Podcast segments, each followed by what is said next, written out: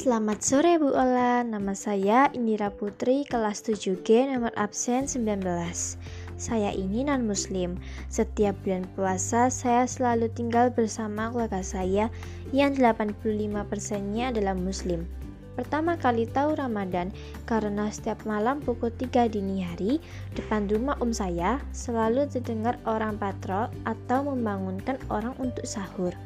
Semula saya kaget tapi lama-lama terbiasa juga dan saya akhirnya juga ikut bangun ngobrol sambil menanti waktu subuh.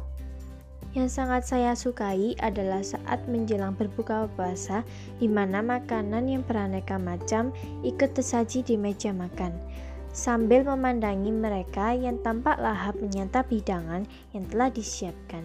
Terima kasih.